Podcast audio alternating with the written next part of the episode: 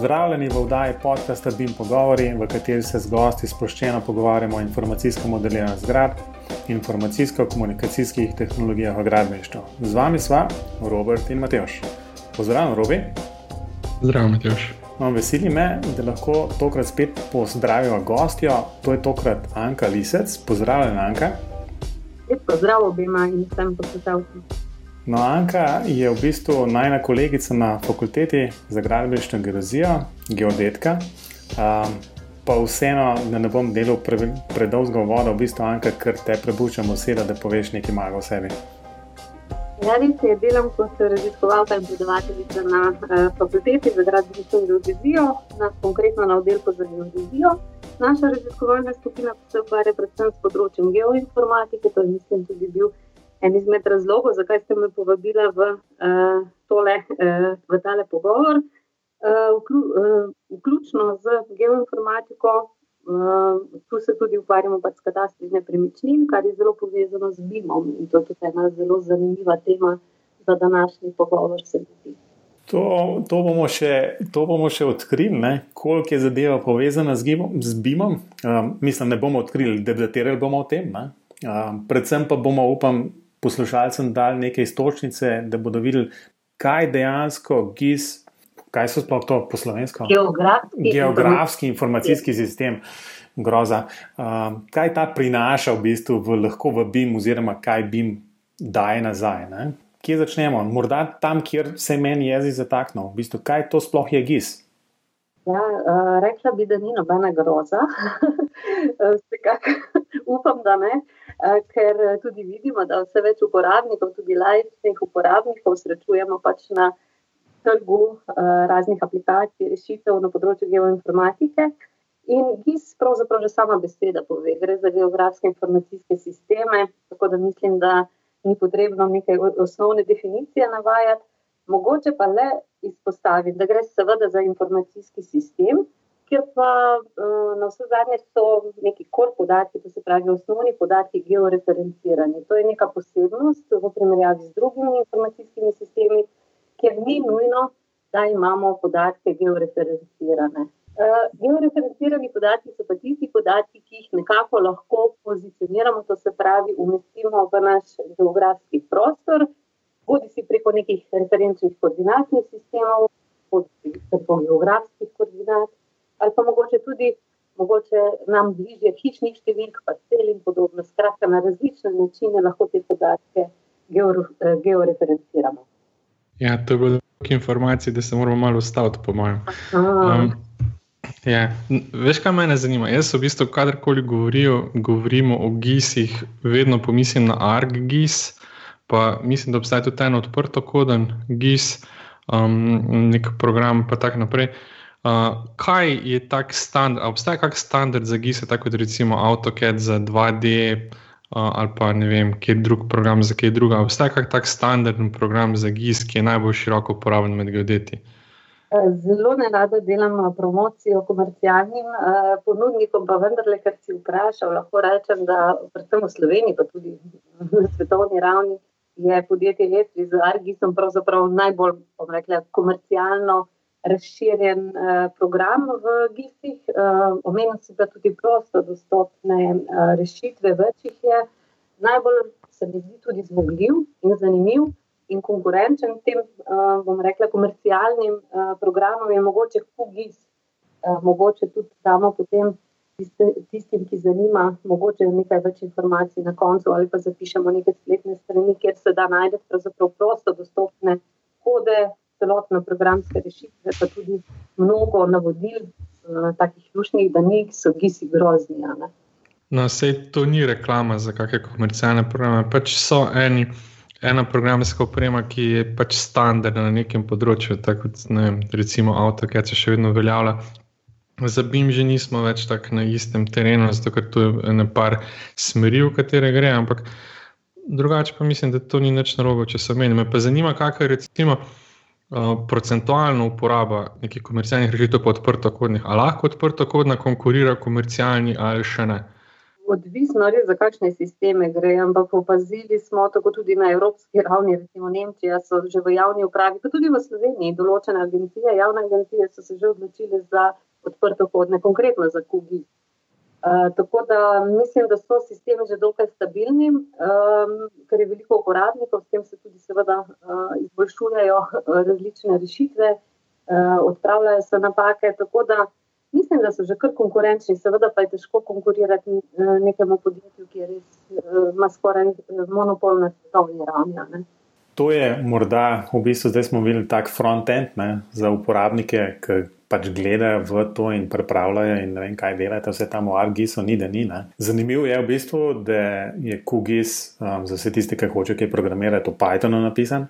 To je super zadeva, zato ker je ne vem, koliko mu je študentov zdaj, recimo, da je nadaljeval, kaj je imel enkrat za eno seminarsko nalogo za narediti del prevoda QGIS-a v slovenščino. Tako da upam, da, da se tudi na tem področju kaj dogaja. Ampak mene morda še ena stvar zanima, v bistvu, kot rečeno, to je pač tisti front-end, na back-endu, pravi, kje so ti podatki shranjeni. Pa jaz mislim, da, da je tako spet ena taka de facto standard, kje to shranjenje je Oracle baza.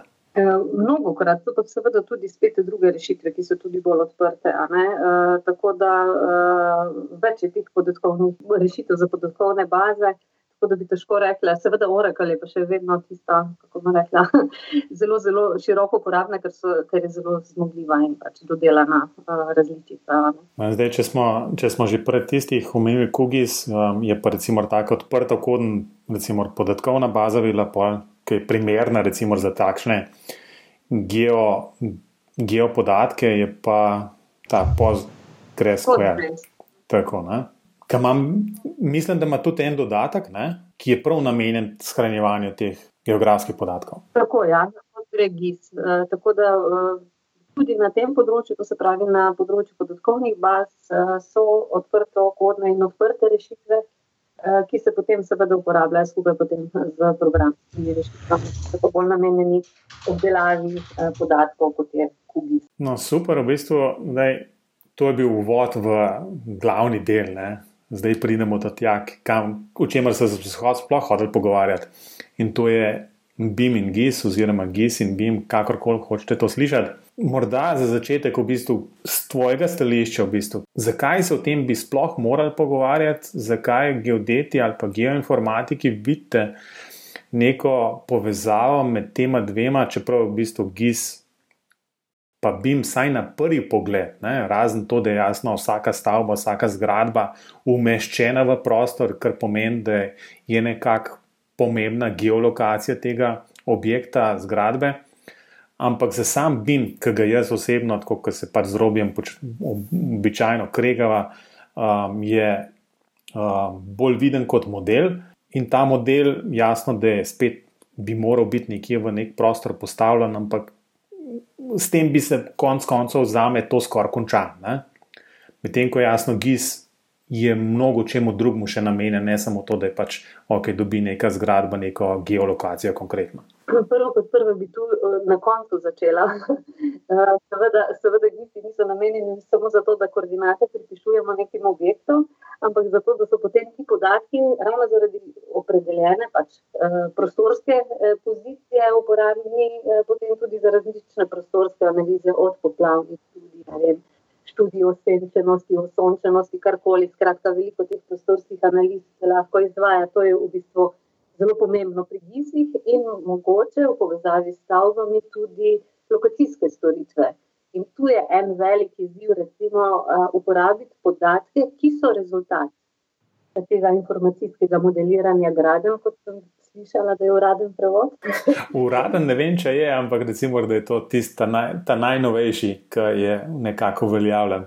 Rečemo da, rečemo, da je to trenutni prevod, ki bi naj bil, pa vem, da se marsikdo s tem ne bo strinjal. Ampak... Prosti, Anka, ampak bom zdaj le čist nekaj drugega zina, zraven še, ampak se nanaša na tole. Ne? Ko sem nekako začel bolj razmišljati o tem današnjem pogovoru, sem se začel sprašovati, zakaj se reče bim in ne bis. Robi, kaj praviš? A ne bilo bis boljš? A si ugotovil? Ne, to nisem, nisem, nisem to jaz tako, a veš, malo provociram bolj ali manj. Zato, ker so bili prej procesni modeli in potem se to pač razširi še z ostalimi informacijami, in potem se to pač širše reče, da so to vem, informacijski modeli iz Graden, trenutno. To, to bi bila moja razlaga, če bi mogel na izpitu blefirati. Ja. To je eno oddajo. Prosti, Anka, zdaj pa le. Zdaj potih. Ja, eh, če eh, nekako končala sem pri tem, da eh, pravzaprav podatki oziroma rezultati tudi tega modeliranja BIM so dejansko lahko zelo zanimivi tudi za 3D modele v GIS-ih, ker ena izmed pomembnih funkcij GIS-ov tudi, so tudi lokacijske storitve, torej navigacija in podobno. In vemo, da danes ne potrebujemo le podatke v, za navigiranje v prostoru, uh, v zunanjosti, torej na cestah, železnicah in podobno, ampak pogosto samo spomnimo se nekih gasilcev ali ne vem, drugih služb, ki delujejo v okviru civilne zaščite. Veliko krat rabimo potem tudi podatke za navigacijo znotraj stavb, predvsem kakšne javne večje stavbe. In tu je naprimer ena zelo, zelo zanimiva tema, kako uporabiti rezultate, torej podatke tega informacijskega modeliranja, ki, eh, ki jih pripravljate bolj kot ne gradbeniki in arhitekti, kako uporabiti te podatke potem tudi v eh, GIS modelih, ki pa seveda zahtevajo nekakšno drugačno podatkovno strukturo, topološko morajo biti urejeni, eh, pa mogoče, če bomo imeli čas, malo bolj v detalje kasneje. To je meni zelo zanimivo, predvsem zaradi tega, ker pri BIM-u se skozi govori o teh lastnostih, posameznih elementov. To, o čemer pa zdaj Anka govori, se mi pa zdi, da so to pač lastnosti celotne stavbe. Tako, to, ja. Ja. Ja, lastnosti celotne stavbe, pa recimo res vedno pri visi se vprašamo, zakaj potrebujemo podatkovni model. Uh, in uh, od tega je tudi odvisno, kako bi recimo BIM si že omenil, zelo veliko podatkov ima za vsak posamezni element stavbe, zgradbe, imate podatke, ali to res potrebujemo za, ne, za nek uh, namen navigacije. Uh, ko sem gledala nekaj poskusnih projektov uh, pretvorbe podatkov BIM, ne, v GIS, če smem tako reči. Nizozemci so zelo močni, tu so dejansko prva stvar, ki so naredili, so močno zgeneralizirali. torej, mnogo podatkov je odvečnih uh, za take namene, recimo tudi konkretno za lokacijske storitve znotraj stavbe. To je ena zadeva. Potem pa seveda je treba te vektorske modele topološko urediti. Uh, to pa pomeni, da moramo vedeti, kateri prostor je soseden drugemu prostoru, da znamo uh, potem tudi voditi določene ljudi ali pa karkoli že uh, po prostoru. Večkrat imamo analogijo, ne vem, če ste kdaj slišali, ko smo imeli še čisto v 2D, vse tudi v AutoCAD-u. Ste slišali kdaj za špagetni vektorski model? Ne, nisem še špagetni, kaj? Špagetni vektorski model. Uh, Od te v povezavi z GIS-i zagotovne. Eh, dejansko, če topološko niso bile urejeni linijski ali, pa, ali linije ali pa poligoni v nekem načrtu, to ponavadi v kedovih načrtih ni topološko urejeno, ne veš, kaj je vozlišče, stičišče in podobno. Eh, potem smo mi v GIS-ih vedno rekli, da gre za špagetni vektor. Taki modeli niso bili uporabni recimo za navigacijo, to si vsak najlažje predstavlja za navigacijo, eh, recimo celo cestno navigacijo. Jasno, moraš imeti določena vozlišča, kje so križišča, kje je slepa ulica. In analogija zdaj gre pri množici podatkov BIM-ov, iz BIM-a, ki uh, vektorsko so sicer pripravljeni, niso pa topološko urejeni, pa mnogo podatkov je za nas odvečno. Tako. In sedaj je pač veliki izziv, kako čim bolj optimalno generalizirati modele in seveda tudi urediti na ta način, da so uporabni za različne prostorske analize in navigacije. Zdaj bi verjetno marsikdo imel kaj zapovedati, zato ker tako lepo urejajo lastnosti vsakih posameznih elementov in, in vse, ne? potem pa ti praviš, da jih je treba tri četrt opustiti.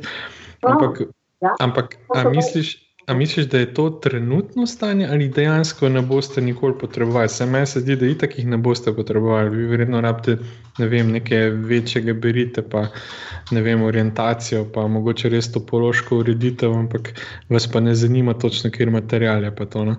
To, da ne bo pomote, moram tako aplicirati. Uh, replicirati. Uh, dejansko ti podatki, seveda, ki jih imamo danes kot rezultat BIM-a, so zelo uh, ključnega pomena za anglici ne pravijo facility management, to se pravi upravljanje stavb in podobno v celotnem pravimo, življenjskem obdobju stavbe zgradbe. Tako da to niso podatki, ki so za stran vršniti slučajno. Ne. Ampak, ko govorimo o GIS-ih, ponavadi tudi ne govorimo samo o eni stavbi. Gre ponavadi za podatkovne modele nekega območja, nekega mesta, pokrajine, regije, lahko države. In v teh primerih si tudi lahko sama predstavljate, koliko podatkov bi bilo, če bi to vse skupaj v neke podatkovne baze generirali, in da uh, najverjetno ne bi bili zelo fleksibilni in hitri uh, pri obdelavi teh podatkov. Ja, tle, jaz mislim, zadeva, zadeva se mi zdi, da če gledam stališča BIM-a ali pa uporabe, recimo, tudi teh parcialnih modelov, bi, bi v bistvu se nagibal bolj k um, mnenju, ne, da to, kar BIM recimo, potrebuje, ali pa v bistvu GIS potrebuje, je v bistvu nek nov pogled na BIM model. Uh, tako kot imamo zdaj nek arhitekturni pogled, imamo vem, inženirskega, gradbeniškega, v bistvu imamo strojniški pogled. Mislim, da je to nekaj, kar je recimo prava pot, po drugi strani pa to, kar se, se mi zdi, da se preveč poudarja, ali pa je trenutno poudarek tem, da je treba v bistvu več vse te modele oziroma vse te podatke združiti v neko GIS, neko obliko, v baze neke GIS-ovske in tako naprej. To, kar si predstavljam kot ne vem, nekdo, ki recimo. Uživa v tem, v nekem povezovanju nekih podatkov, in gor in dol. Ne, v bistvu bi rekel, da je treba bolj ali manj gledati, kako bomo zdaj te heterogene podatke, ki so tudi porazdeljeni po razno raznih bazah, dejansko združili v trenutku, ko se bojo potrebovali. Ne pa v bistvu na ta način, da bomo um, zadevo zelo v detalje, v bistvu nekaj pretvarjali v, v nekaj, ker potem bomo najbolj zelo hitro izgubili tudi referenco nazaj. In, no, skratka, ne vem, to je, to je bolj zdaj le razmišljanje nisem o tem prej detaljno razmišljal. Ja, kot primer sem izpostavila bolj pač uporabo teh modelov za navigacijo tudi znotraj nekih zgradb, ampak spet je res odvisno, zakaj rabimo te modele georeferencirane. Večkrat vidim, to so pa že tudi različne države Evrope, nekako izrazili željo, da bi pravzaprav ta BIM postal en del BIM-a, oziroma en del tega procesa pri uh, pripravi tudi podatkov in spremljanju celotne gradnje, da bi se nanašal tudi na georeferenciranje tega modela, kakorkoli bi bil že generaliziran v prostor, tudi za namen, uh, pre, recimo, inšpekcijske službe, da se lahko hitro vidi, ker imaš georeferenciran model, ali je gradnja skladna z izdanimi gradbenimi dovoljenji. Ali je vem, um, tista nova stavba ali kakršen koli drugi gradbeni inženirski objekt pravilno lociran v prostoru, da ni na poplavnem območju in podobno. Skratka, iz tega vidika smo zaznali, da so različne vlade tudi v Zahodnji Evropi izrazile željo, da se vendarle mogoče nekoliko generaliziran model, ki je rezultat BIM-a, georeferencira tudi v te namene. Torej, več različnih namenov je in namen potem malo diktira, kakšne vsebine in kako detaljne uh, modele rabimo. Ne? Sem zakomplicirala. Ma ne, se ne, to je. Načeloma se mislim, da vsi trije kar strinjamo glede, glede tega. Gre, gre v bistvu, so pač različni pogledi, kako to stvar tehnično delno tudi rešiti. Um, ampak najbrž se, se ni, zdaj ta podcast ni temu namenjen, da bi tehnično reševali, najbrž obstajajo pa so v teku kakšni projekti, ki se s temi stvarmi ukvarjajo. Jaz mislim, da si tudi enega omenila, slice 3D, če se ne motim. Ali lahko morda poveš še nekaj besed, kako se pa ta projekt nanaša, oziroma čemu je, kaj ta projekt, namen tega projekta, pa v bistvu, ko vse, vse skupina naša na, na tale današnji pogovor. Ja, naj povem, da smo pač, naša skupina smo nekako bili uspešni na enem razpisu obzorja 2020 za pridobitev sredstev, da bi postavili center odličnosti na področju 3D, 4D geoinformatike, torej tudi na mednarodni ravni je to 3D in pač večdimenzionalno model, modeliranje v GIS-ih zelo aktualno. In v okviru tega projekta, če bomo seveda uspešni tudi v drugi fazi, je predvideno, da bi se en sebe raziskal prav izredno ukvarjal z 3D in 4D modeliranjem v GIS-ih in med projekti so seveda tudi integracije različnih podatkov in pretvarjanje recimo, tudi podatkov BIM-a v neke 3D modele, ki bi bili uporabni za prostorske analize. Tako da, če bomo uspešni, boste še slišali za nas. um, kaj, moram moram eno, eno pod vprašanje, v bistvu zdaj omenja 4D modeliranje GIS, kaj je to zdaj neka časovna dodatna komponenta ali je, kaj je to? Tako. Dejansko časovna komponenta ni nujno, da je to uh, eh, 3 plus 1, ne, lahko tudi samo 2 plus čas. Uh, dejansko pri teh analizah v prostoru se veliko krat srečamo z izzivi, da ugotovimo, kaj se v prostoru dogajalo. In imamo pač različne podatkovne nize, bodi si vem, satelitske posnetke ali pa neke modele uh, prostora, ki so pač bili rezultat nekih projektov iz različnih obdobij in osnovi uh, teh um, različnih časovnih presekov stanj v prostoru, se danes zelo veliko pogovarja tudi o analizi, um, prostorskih analizah uh, z upoštevanjem časovne komponente. Tu sicer veliko bolj se nanaša na področje 2D plus čas, vendar le um, so veliki izzivi raziskovalni tudi na 4D, to se pravi 3D plus čas. Um, jaz sem Tule, ravno kar eno vprašanje se mi. In sicer, Slice 3D, koliko dolgo še ta projekt traja? Uh, ja, ta projekt je uh, zanimiv, ker je eden redkih, oziroma ta razpis je eden redkih, ki je v dveh fazah. Prva faza je enoletna faza, ki pravzaprav je namenjena za osnovi pač poslovnega načrta za center odličnosti. To pa je potem, uh, bom rekla, uh, v bistvu osnova za prijavo na drugo fazo. Če bomo uspešni, seveda je mišljeno, da se ustanovi uh, center odličnosti, ki bo dolgoročno deloval. Uh, samo financiranje strani Evrope, delno pa tudi iz države, pa je mišljeno 5-7 let. Tako da mislim, da je veliko izzivov, da postanemo tudi v Sloveniji močni na tem področju. Nekateri bi rekli, da smo že. Gledam pa tudi, da imate nizozemce, da so konzorci tudi Univerza Twente, pa, pa eh. slovenski X-Lab. Mhm. Ja, uh, drugi, ja, drugi so pa v bistvu bolj, se mi zdi, iz geodezije. Uh, še italijani iz Trenda, to je Fundacione Bruno Kessler, oni so izredno močni tudi na področju informatike. Ta, uh, ta oddelek, ki z nami sodeluje, pa na, op, na področju optičnih senzorjev. Torej, en zanimivih uh, podpodročji naših raziskav je tudi ta množičen zajem podatkov z droni, pa tudi vsak svet se lahko pohvalim, da tudi na tem področju želimo malo bolj intenzivno, raziskovalno in inovativno delati. Uh, še eno vprašanje, se mi sicer v skozi razlagaš, kaj vse počnete, kaj vas zanima, kako se lahko povezuje to uh, med sabo. Se mi skozi, tako na koncu jezika, imam skozi, no, da to posegate tudi na področje big data, oziroma teh velikih količin podatkov. A je kdaj pri GIS-ih težava z velikostjo? Oziroma s številom samih podatkov. Ne. Jaz recimo imam pač take izkušnje, da hočem odpreti nek lider posnetek, pa je ne vem, tako velik, da, da sploh programi ne prebavijo, pa tako naprej. Mi se mi zdi, da je za eno večje vodoče tega toliko, da, da je treba res racionalno delati z njimi. To je res. Mi smo ravno zaradi teh obdelav podatkov vedno najbolj zahtevni uh, naročniki računalniške opreme na fakulteti, če še niste slišali.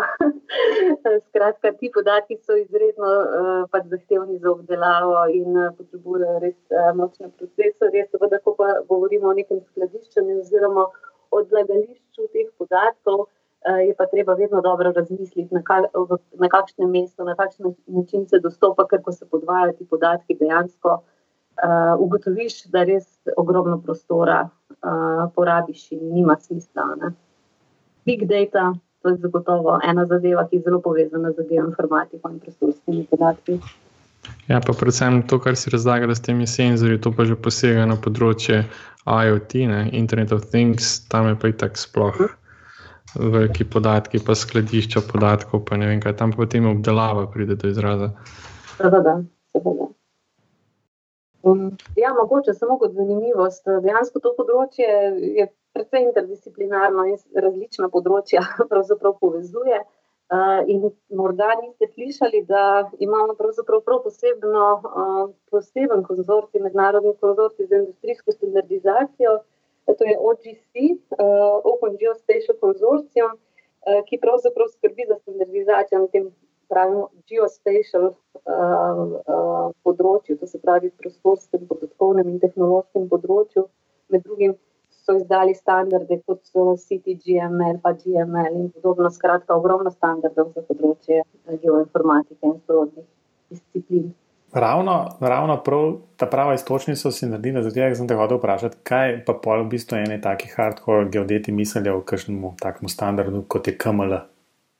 A, no, to je tudi del, ki ga je eh, KML je v bistvu tudi privzet strani OGC-a, čeprav je bil, vemo, da na začetku Eh, čisto bolj tako zasebno razvita. Uh, tako da ti industrijski standardi so dejstvo, in če res koga zanima, ta OGC, poslovensko OGC, eh, dejansko ima tudi veliko forumov odprtih, kjer lahko vsak participira z svojimi idejami. Seveda, če hočeš biti popolnopravni član, pa moraš na nezino plačati, tako kot povsod. Videli smo, da se na teh zadevah v bistvu polno dela, uh, zelo veliko v bistvu ljudi nekako posredno ali pa neposredno vključenih v to del. Kje pa v bistvu se da, recimo, kakšno takšno najnovejšo stvar zvedeti, v bistvu, ali kakšno obstaja kakšna konferenca ali kaj podobnega, kamor lahko nekdo gre in zve najnovejše stvari o GIS-u in BIM-u in tako naprej. Ja, čisto slučajno sem odkrila tudi uh, z vajno pomočjo, da, da je na nizozemskem v bistvu v jeseni ena konferenca GIS Design plus BIM. Eh, mislim, da je v Amsterdamu novembra. Za to konferenco do danes nisem vedela, gre pa bolj poudarek, saj tako po, po uh, programu sodeče, bolj poudarek na BIM-u. Uh, za drugo konferenco, ki bi jo tudi priporočila, oziroma da obiščete spletno stran, je pa Geodel. 2018 je pa en mesec prej, niso na nizozemskem, ampak v Delftu. Tam so pa v bistvu združene štiri konference, kjer pa je poudarek seveda na teh geodel. Eh, na 3D modeliranju uh, kot zanimivost, da dobite občutek, kako široko je to področje danes. Ena izmed tematskih konferenc je tudi Smart Cities in, in Smart Communities, torej ko se uporabljajo 3D modeli, BIM, GIS, pardon, potem tudi za podporo področanju in vzpostavitvi teh Smart Cities in Communities. Kratka, zanimivi konferenci, če bo koga pot zanesla v jeseni na Nizozemsko. Mislim, da bo ta obe konferenci zelo zanimivi. Res je, v bistvu, jaz sem pogledal tisto spletno stran, za to prvo sem pogledal, tako da tista se zdi res taka, um, recimo, bolj gradbenikom, nekako pisana um, na kožo in mislim, da bi se kar splačal zadevo obiskati, je pa treba najbrž kakšen šnak napisati. Ja. No, kakorkoli že, jaz mislim, da, da lahko rečemo, da da je zadeva zelo zanimiva. GSBIM, to je v bistvu vsekakor se mi zdi nek. Se pravi, jaz ne vem po kakšni logiki, ki ste s tem GIS-om, vse se vrti okoli GIS-a, trenutno najbrž. Ne? In se jasno, tisti avtom, avtonomni avtomobili, pa smart cities, pa ne vem, um, razno razne um, tele navigacije po, po vem, velikih um, trgovskih centrih, vse nekako gis, gis, gis, levo, desno. Ne? In zdaj še bim. Zdaj pa še bim. No, super. Uh, skratka, jaz mislim, to nekako napeljujem to in mislim, da bomo na to temo še kdaj kakšno zadevo rekli.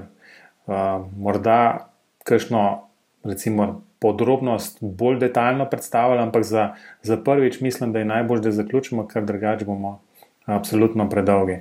Bomo pa v zapiskih polinkali stvari, o katerih smo govorili, dodali zrašenih še nekaj člankov na temo um, GISA, BIMA, integracije obeh, um, kako to v bistvu upeljati v IFC, kakšne so relacije med razno raznimi standardi na področju GISA in IFC-ja.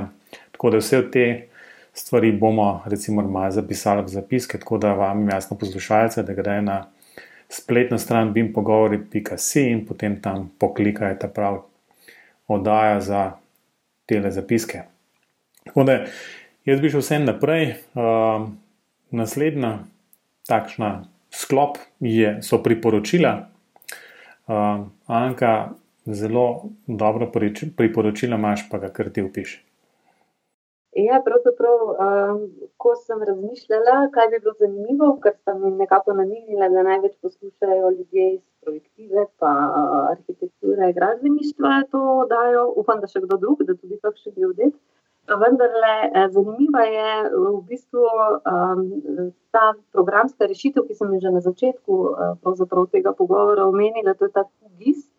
Jaz bi prosila, da mogoče zapišete potem to, uh, ta spletni naslov. Uh, na tem splet, spletnem naslovu kugis.org uh, imate pravzaprav prosto dostopno programsko opremo za mnogo uh, tudi uh, primerčki, tako da je zelo enostavno začeti z GIS-i uh, in nič vas ne stane. To je zelo pomembno. In uh, ker včasih ni dovolj samo program, ampak radi vidite tudi kakšne podatke, ne? to je tudi zelo pomembno.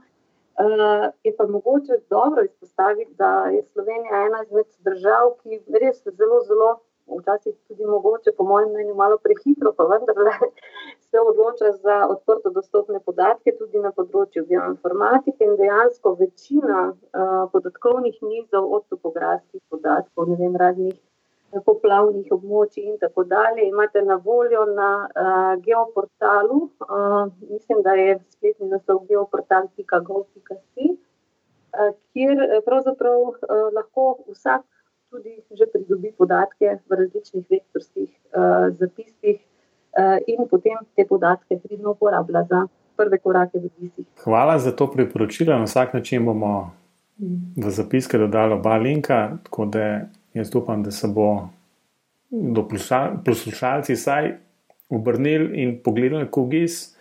Um, kot je meni znano, um, dejansko zadeva super deluje. Um, mislim, da prebere tudi direktno datoteke od Argisa. Um, tako da je res, v bistvu, se mi zdi kar primerljiv. Jasno pa v bistvu pod navednicami ne pričakovati preveč, zato ker je vseeno v Pythonu napisan, pa to najbrž močkan počasneje dela kot pa ti v Argisu. Da, ampak boste sami preverili. Tudi o tem bi lahko govorili, o čem so skriti v Argisu, ampak ne bomo. um, Robi, kaj pa je tvoje priporočilo za danes? Ja, jaz imam danes priporočilo, to je že presenečenje, prvo presenečenje. Drugo je pa, kakšno je eno. Danes priporočam eno, eno prezentacijo um, kolega iz Nizozemske, Leona Van Berla, ki smo ga že omenjali tu, tisti, ki mogoče poslušate, pa ste bili na lanski CBM konferenci in ste ga tudi spoznali. No, in danes priporočam eno njegovo prezentacijo, ki je v bistvu že iz leta 2014, pa sem jo šele pred kratkim odkril in mi je res super, zato ker opisuje moje videnje Bima, v bistvu se popolnoma strinjam z njim. No? Naslov tega, te prezentacije je pet presenetljivih stvari, ki jih v Bimu niste vedeli. Um, Notri je več kot pet, ker je malo pogulfal, je tudi priznal, potem, da je malo pogulfal. Ampak bom pa sam eno trditev prebral, ki bo pa Matej že zanimivo, pa ga bom mogoče zintrigirala, da greš sam preveriti. In to je, kaj je BIM. Ne? Eni pravijo, da je proces, drugi, da je filozofija, tretji, da je sodelovanje, četrti, da so to podatki, peti spet nekaj drugega, ampak vsi se pa strinjajo, da to ni software. Takrat. In potem gre prezentacija v tem smislu naprej, mislim, zelo, zelo zanimivo. Um, ja, že, če se spomnim tiste prezentacije na CBN konferenci, jaz verjamem, da najbolj se tudi za, malo za nasmeje zraven. Ja, no, tisti, ki niste bili na sebi konferenci, pa Leona ne poznate, bi samo omenil, da je v prezentaciji obimu imel noter tudi um, Instagram slike Borota Pahorja. Pa, pa ja, sem povedal vse. um, no, Rob je govoril, da je danes ena presenečenja to, da ima on priporočila, no drugo presenečenje pa to, da ga jaz nimam. Uh, so, ne, presenečenje je, da ti nimaš audio knjige. Ja, ne, jaz nimam sploh priporočila, tako da hvala Robi, pa hvala Anka, da sta pokrila ta del. Tako da pred zaključkom bi se stanki na vsak način zelo zahvalil za, za to, da si vzela čas uh, in nam povedala veliko zanimivih stvari o Gisu in možnih povezavah um, Bima in Gisa in Gisa in Bima. Um, cel krog bomo iz tega naredili, tako da je enka res najlepša hvala. Pa jaz upam, da te bomo še kdaj nahecali, da boš kaj prišla povedati. Ja, me je veselilo, da ste videli odziv, da to zanimivo. Torej, v bistvu Anko lahko poslušalci kontaktirate na mail anka.lisec, afnafg, unilasi, prav to ni služben mail, je pa tudi na Twitterju Anka Lisec. Robi, najbolj že ga kar pogooglate, zmeraj ko reče, mene pa v bistvu na matevždolenc.com, tam bodo sigurno linki. Odbim pogovori so še vedno na spletu, Facebooku, Twitterju in pa jasno tudi na YouTubu. Tako da predlagam poslušalcem, da si izbere enega izmed teh kanalov in poslušajo to in prihodne oddaje.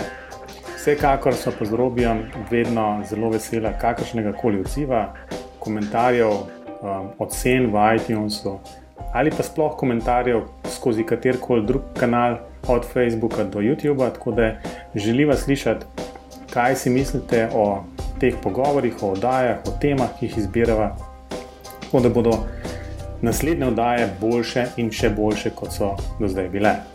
Tako da za konec samo še enkrat, Anka, hvala lepa um, in hvala. se slišimo. Anka, adijo, robi adijo. Adijo.